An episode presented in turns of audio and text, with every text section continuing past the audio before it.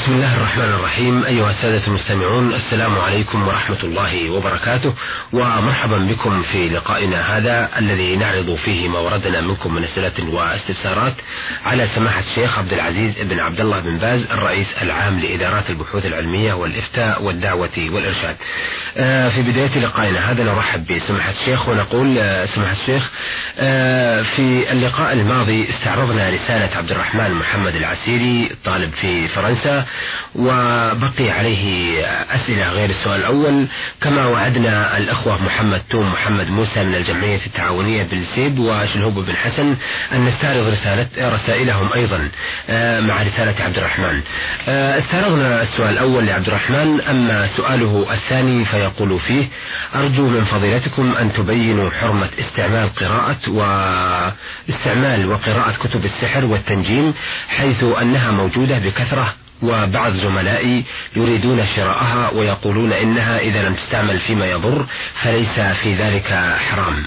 آه، نرجو الإفادة وفقكم الله. بسم الله الرحمن الرحيم. الحمد لله وصلى الله وسلم على رسول الله وعلى آله وأصحابه ومن اهتدى بهداه أما بعد هذا الذي قاله السائل حق.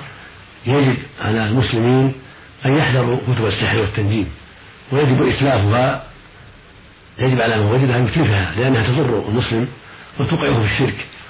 والنبي عليه الصلاة والسلام قال من اقتبس شبة من النجوم فقد اقتبس شبة من السحر. زاد ما زاد. والله يقول في كتابه العظيم عن الملكين وما يعلمان من أحد حتى يقولا إنما نحن فتن فلا تكفر. فدل على أن تعلم السحر والعمل به كفر.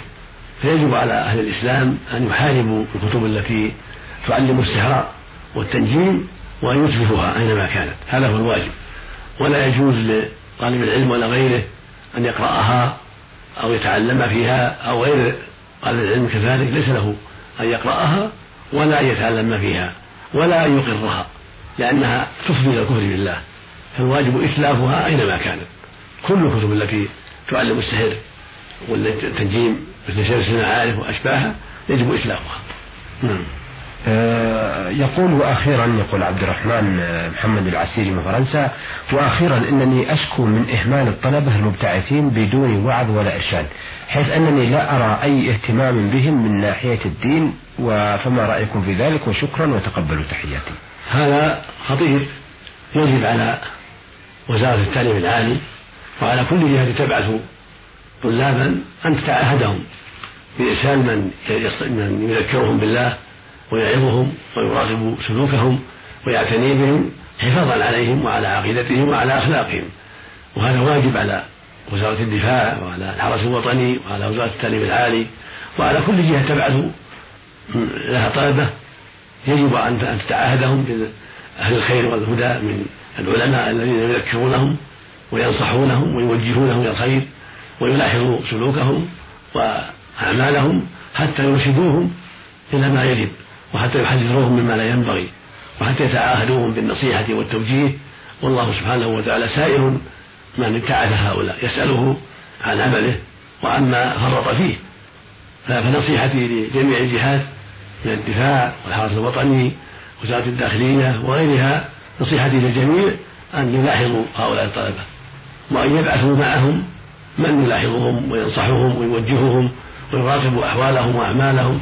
حتى يعينوهم على الخير وحتى يعينوهم على ترك الشر وحتى يراقبوا ما يجب أن يراقب منهم حتى لا يقعوا في الباطل مع أن ابتعاثهم فيه الخطر العظيم والواجب عدم ابتعاثهم أصلا وأن يعلموا في الداخل وكل مادة لا توجد في الداخل يجب أن توجد في جامعاتنا الحمد لله عندنا قدرة والمال يأتي بالرجال فواجب على الدولة وعلى كل الجهات المسؤولة أن تعلم بهذا الأمر. يجب عليها أن لا تبتعث أحدا هناك إلا للضرورة القصوى عند عدم وجود من يقوم بذلك في الجامعات الداخلية. وإذا كان ولا بد من الابتعاث فالواجب أن يبتعث معهم مثل العلم والأمانة والبصيرة من يراقب أحوالهم وينصحهم ويذكرهم ويكون عمدة لهم في تلك البلاد حتى يكون ذلك من أسباب سلامتهم وصلاحهم وأن يعودوا كما خرجوا أو أحسن. هذا كله عند الضرورة القصوى. وإلا فالواجب أن لا يبتعثوا وأن يكون تعليمه لكل مادة ولكل شيء في الداخل في الجامعات الداخلية. وأن يجلب إليهم من المدرسين من يحتاجون إليه. ولو كانت النفقة باهظة في هذا فالنفقات في سبيل التعليم مخلوفة فيما ينفع المسلمين. وأسأل الله يوفق المسؤولين لما فيه رضاه ولما فيه سلامة أبنائنا الطلبة مما يضر أخلاقهم وعقيدتهم. إنه جل وعلا جواد كريم. هذه الرسالة وردتنا من آه، محمد توم محمد موسى سوداني. يقول أعرفكم بأني من إحدى الدول الشقيقة لكم وهي السودان. يقول أني حضرت هنا المملكة ما يقارب ثلاثة أشهر والكفيل لا يرضى آه، أن أذهب للسودان إلا بعد كمال السنة. فهل علي في ذلك شيء إذا أكملت السنة عن زوجتي؟ آه، أرجو الإفادة يقول محمد توم محمد موسى سوداني آه، أولا أعرفكم بأني من إحدى الدول الشقيقة وأنه حضر المملكة هنا ما يقارب من ثلاثة شهور وأن كفيله آه، لا يعطيه الإجازة إلا بعد إتمام السنة. فهل عليه شيء إذا غاب عن امرأته أكثر من سنة أو سنة؟ لا حرج عليه إن شاء الله في طلب الرزق أو طلب العلم لا حرج عليه إن شاء الله. مع المكاتبة في ذلك وإعطائها حاجاتها الواجبة يعني إعطائها النفقة الواجبة والملاحظة لها في كل شيء فلا بأس أن يتأخر سنة ونحوها لا حرج في ذلك. لكن يجب عليه يعتني بكل ما يلزم لها من النفقة وكذلك من يلاحظها هناك من أقاربها ومحارمها من محارمها هذا هو الواجب عليه أن يعتني بكل شأنها بالمكاتبة حتى لا ينالها خلل وحتى لا تعرض لشيء من السوء. أما إذا كان بالاختيار فالأولى والأفضل أن يتأخر أكثر من ستة أشهر. إذا تيسر له أن يتصل بها بعد ستة أشهر ويلاحظ حاجاتها فهذا أولى وأحوط كما يروى عن عمر رضي الله عنه في ذلك. أما إذا لم يتيسر ذلك فلا حرج إن شاء الله في السنة ونحوها وأكثر إذا كان للعلم النافع أو لأمور الدنيا لمكسب لمكسب اللازم وطلب الرزق لحاجته إليه. نعم. يقول أيضا آه، هل هناك قول يقول المدة بالنسبة للمتزوج ستة أشهر؟ أفيدوني أثابكم. تقدم يروى نعم. ستة أشهر وأن هذا من باب المصالح المرسلة نعم. لأجل الخوف على المرأة. آه، ثالثا يقول أنا أسكن عليه أيضا هو قد يحتاج إلى ذلك قضاء وطره نعم. يحتاج إلى قضاء وطرها فإذا سافر إليها بعد ستة أشهر لقضاء الوطر ولتفقد الأحوال فهذا أولى إذا تيسر ذلك. نعم. آه، يقول آه، ثالثا أنا أذكر إحدى القرى بالمملكة والحمد لله محافظ على أداء الصلوات في المسجد وبعد حضوري إلى هذه المنطقة في المملكة وهي منطقة السيب القصيم. توجهت إلى المسجد لأداء الصلاة وبعد أن جلست في المسجد مدة طلب مني أحد المواطنين بأن أؤذن لأن المسجد ليس به مؤذن. فقمت على الفور وأديت الأذان وظللت مدة أؤذن حين لم يحضر المؤذن. وفي يوم من الأيام أذنت لصلاة العشاء فحضر الإمام وقال من أذن؟ فقلت له أنا. فقال لا آه، نريد آه، أحد أن يؤذن فمن ذلك اليوم لم أؤذن آه، حتى ولو طلب مني علما بأنني متعلم والحمد لله ولا أشك في أداء الأذان أرجو أن تفيدوني لأن هذا الإمام حرمني أجرا عظيم علما بأنني لا يتقاضى شيء مقابل هذا الأذان وما فضل الأذان وما حكم هذا الإمام بالنسبة لي. الأذان فرض كفاية والواجب على المسجد أن يؤذن أحدهم. إذا لم يكن هناك مؤذن من جهة وزارة الأوقاف فالواجب أن يؤذن أحدهم. فإذا أذن أحدهم كفى لأن فرض كفاية. وهو يقيم أيضا. الإقامة والأذان فرض كفاية. إذا قام واحد منهم كفى. أما تركهم المسجد بدون أذان هذا لا يجوز. اللهم إلا يكون قرب مسجد اخر يكفى بأذان يعني يعم. لأن المؤذن الذي بقربه يعني يعم جيران المسجد هذا ويسمعونه. هذا قد يقال باجزائه ولكن لابد أن يقيم أحدهم الإمام وغيره يقيم الصلاة. وبكل حال فلا ينبغي ترك الأذان بل ينبغي ترك المسجد أن يؤذن فيه من الجماعة. وإذا كان السائل يتبرع بذلك وهو يقيم الأذان فلا ينبغي الإمام ولا غيره أن يمنعه من ذلك إلا إذا وجدوا من يقوم مقامه. وجدوا من يقوم مقامه فلهم النظر في ذلك. الإمام ينظر في ذلك هو جماعة.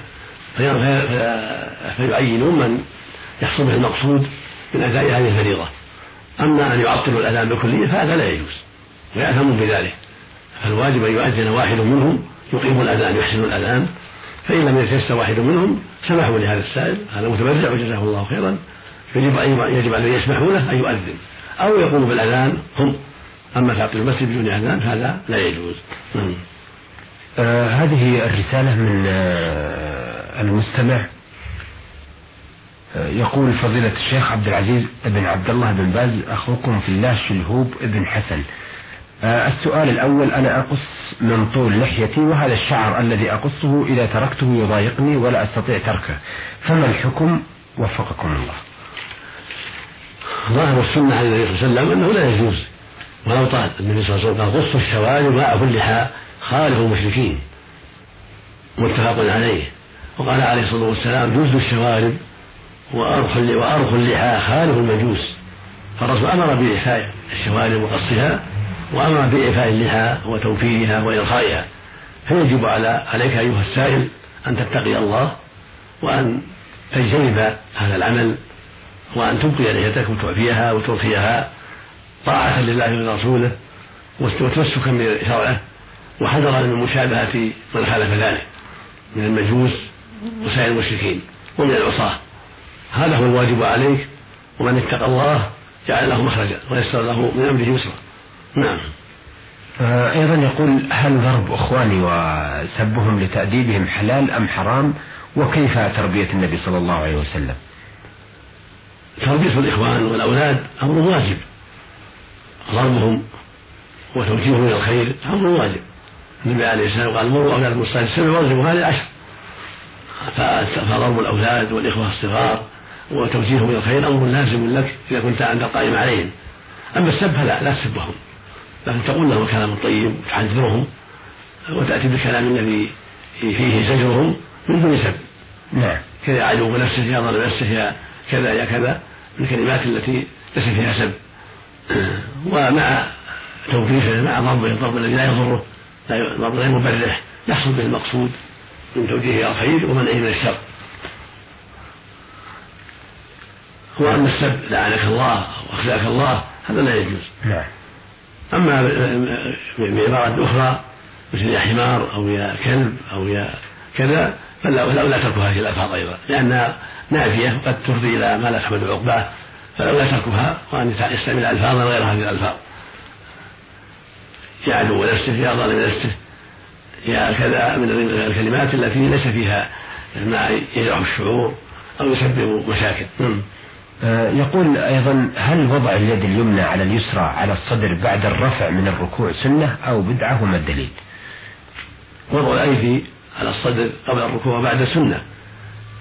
والدليل على ذلك أن النبي صلى الله عليه وسلم كان يضع يده اليمنى على اليسرى في الصلاة وكان يأمر بذلك. وقد ثبت في الصحيح من حديث وائل أن النبي صلى الله عليه وسلم كان يضع يده اليمنى على كفه اليسرى. وجاء في الرواية الأخرى والرسل والساعد.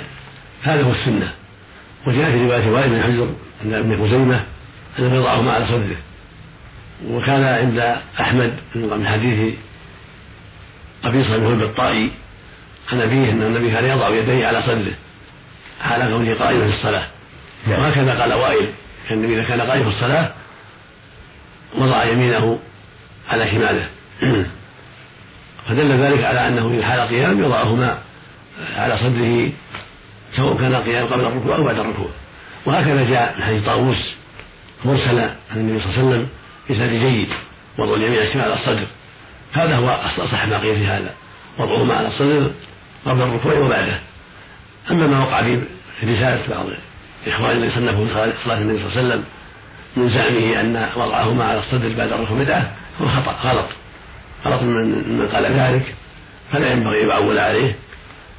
ولا ينبغي أن يكون ذلك مانعا من الاستفادة من كتبه وما فيها من الفوائد. لكن هذا الخطأ كل يخطئ ويغلط. فقول من كتب في صلاة النبي صلى الله عليه وسلم أن وضعهما على الصدر بعد ركوب بدعة قول غلط وهو قول أخينا في الله الشيخ ناصر الدين الألباني قد غلط في هذا وهو علامة من جليل مفيد كتبه مفيدة لكن كل يغلط وله أغلاط معدودة نسأل الله يوفقه في الرجوع عنها. نعم. آه سؤاله الرابع يقول ما هي صلاة الوتر ومتى وقتها وكم ركعة وكيف ذا وكيف أداؤها؟ صلاة الوتر سنة قربة مؤكدة متأكدة. تبدأ بعد صلاة العشاء وتنتهي بطلوع الفجر. هذه صلاة الوتر. تبدأ بعد صلاة العشاء وتنتهي في طلوع الفجر. وأقلها ركعة واحدة هذا أقلها. وأفضلها 11 ركعة أو 13 ركعة للنبي صلى الله عليه وسلم. وإن زاد على ذلك أو بخمسة عشرة أو بعشرين مع الوتر أو ما أشبه ذلك لا بأس فلا حرج.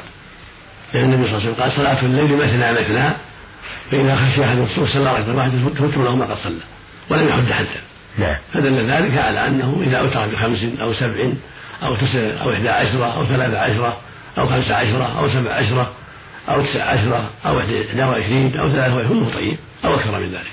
نعم. أو أوتر بواحدة فقط أجزاءه ذلك.